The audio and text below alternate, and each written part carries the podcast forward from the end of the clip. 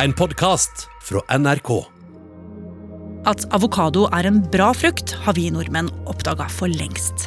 Den holder kolesterolet nede, forebygger forstoppelse, inneholder både fiber og vitaminer, og ikke minst, den smaker veldig godt. Ingen andre land i Europa spiser mer avokado per innbygger enn Norge. Men at avokadoproduksjon har blitt veldig farlig, det snakkes det lite om. NRK har vært i Mexico. Der fører produksjonen av den grønne frukten til både kidnapping, utpressing og drap. Hvordan ble det slik? Og skal vi slutte å spise avokado?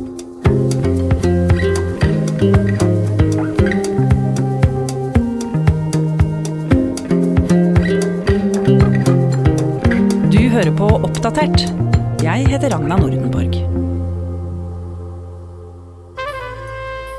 Ja, jeg har jobbet med Latin-Amerika i mange år, og for ikke så lenge siden så fant jeg ut at eh, avokadobransjen den har rett og slett blitt livsfarlig. Inger-Marit Kolstadbråten er reporter i utenriksredaksjonen i NRK. Derfor så dro jeg til eh, Mexico i eh, januar for å finne ut mer om dette. Og der møtte jeg Alejandro. Algo simbólico, pero es importante notar. Og han eh, møtte jeg på avokadoplantasjen hans. Oh, after this you, you can have a, a little, little avocado.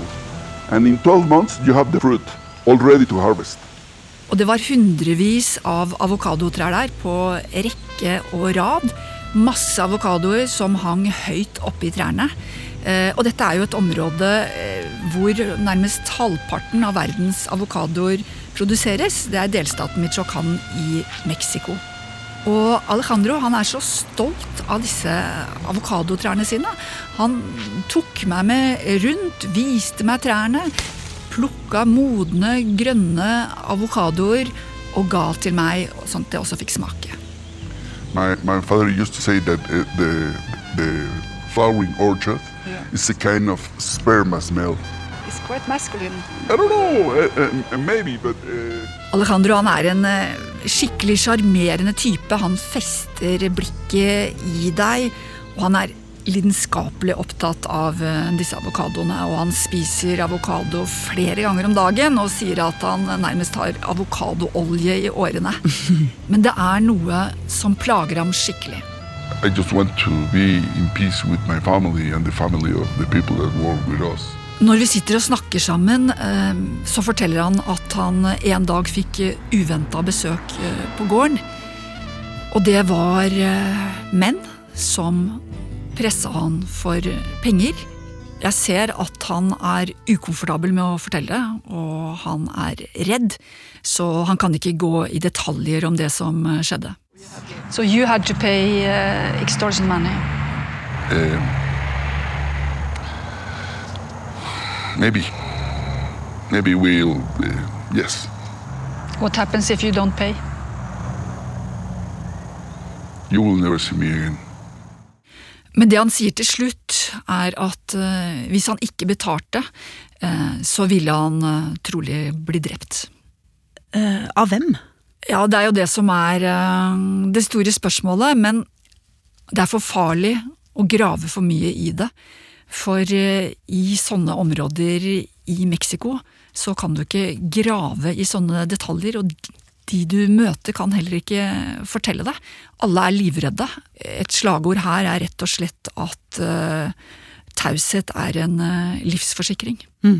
Så jeg måtte derfor dra videre for å prøve å finne flere svar. Og da møtte jeg Maria. simplemente para para verlas crecer, o sea, no como que estoy haciendo las dos cosas, papá y mamá a la vez. Maria er en ung kvinne med tre små barn. Eh, Hun bor i en liten leilighet i et litt fattig strøk i en by som jeg ikke kan si navnet på. Og hun fortalte meg om eh, noe veldig dramatisk som skjedde for rundt to år siden.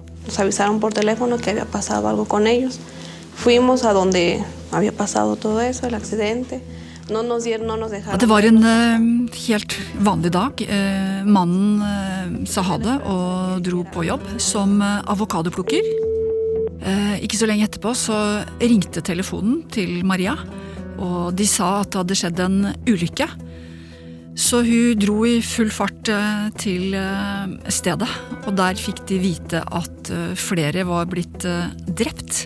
Ja. Maria var jo i sjokk, men håpa og ba at mannen hennes ikke skulle være blant dem. Men dessverre, den dagen så var det altså sju avokadoplukkere som ble skutt og drept. Nunca nos dieron el motivo o la razón por lo que los mataron. Nunca supimos.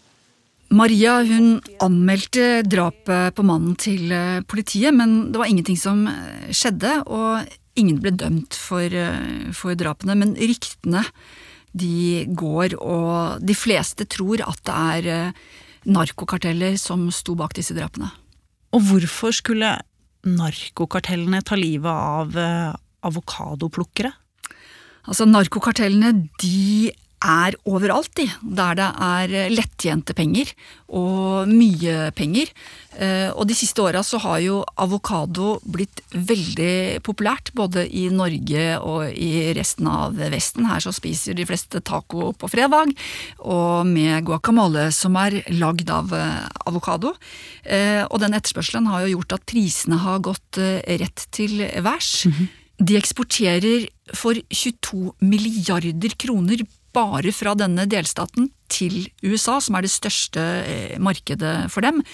Eh, Så en som vi snakka med i området, han kalte jo dette for det nye gullrushet, og sa at alle nå vil bli millionærer. Og det er jo grunnen til at eh, også kartellene har gått inn i denne bransjen og hogger skogen og planter avokadotrær. Og de nøyer seg jo ikke bare med å hugge skog og plante trær. Altså Kjenner jeg kartellvirksomhet rett, så er det jo mer alvorlige ting som også skjer. Det kan du trygt si, for eh, disse mektige kartellene de har jo terrorisert Mexico i mange år, og eksperter kaller landet rett og slett for en narkostat. For de har kjøpt opp både politikere, politi og dommere, så derfor så hjelper det ofte lite å gå til politiet hvis eh, noe skjer, og mer enn 250 000 mennesker har blitt drept i den såkalte narkokrigen bare de siste 15 årene, og kanskje så mye som 90% av drapene blir aldri oppklart, og få blir dømt.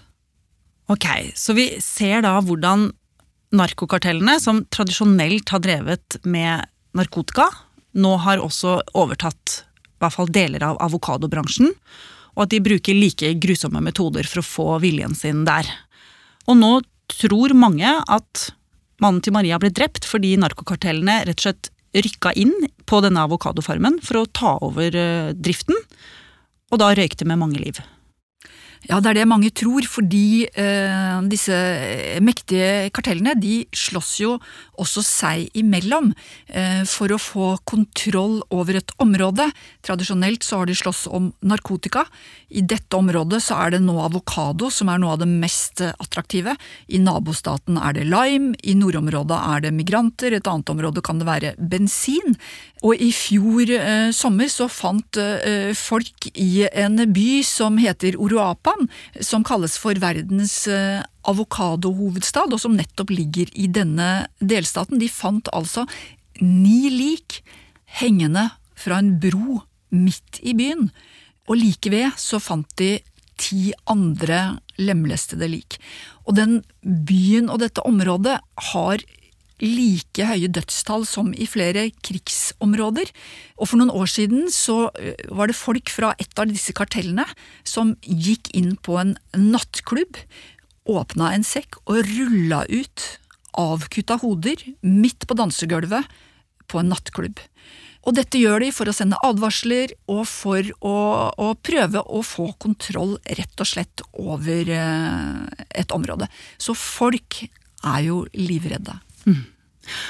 Og da skjønner jo jeg veldig godt hvorfor denne Alejandro, som du møtte, og som du introduserte for oss i starten, er ganske diffus med hvem som presser han, og ikke tør annet enn å betale.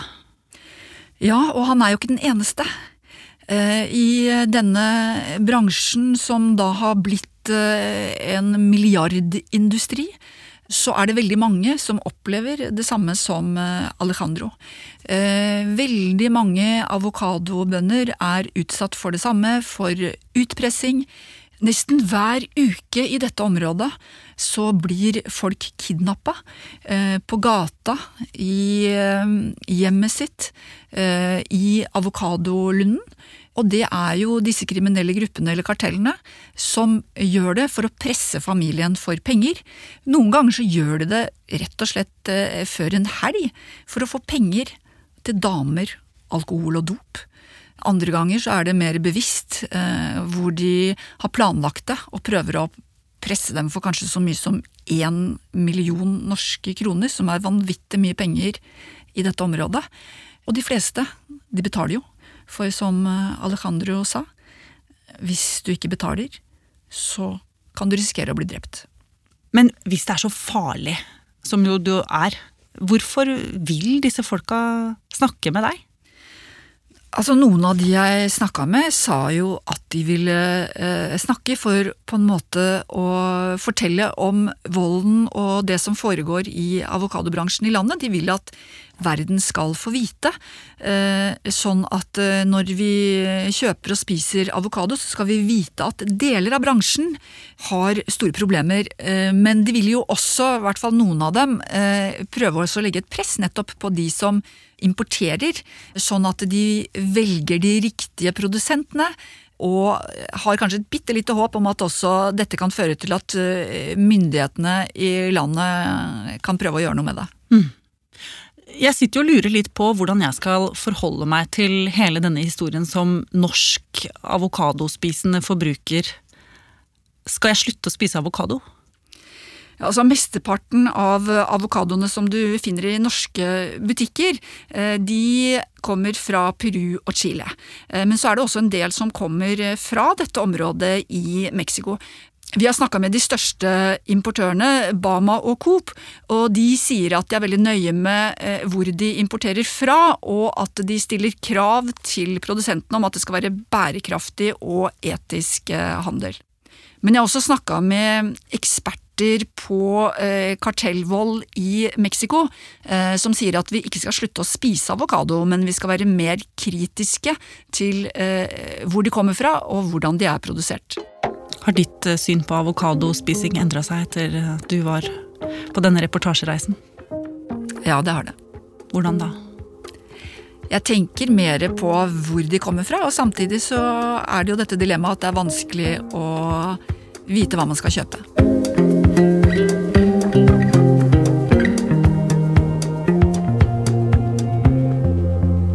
Oppdatert er en podkast fra NRK Nyheter. Og hvis du ikke vil gå glipp av neste episode, så kan du abonnere i appen NRK Radio.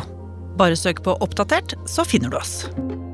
Denne episoden var laget av Ida Tune Øritsland, Petter Sommer og meg, Ragna Nordenborg.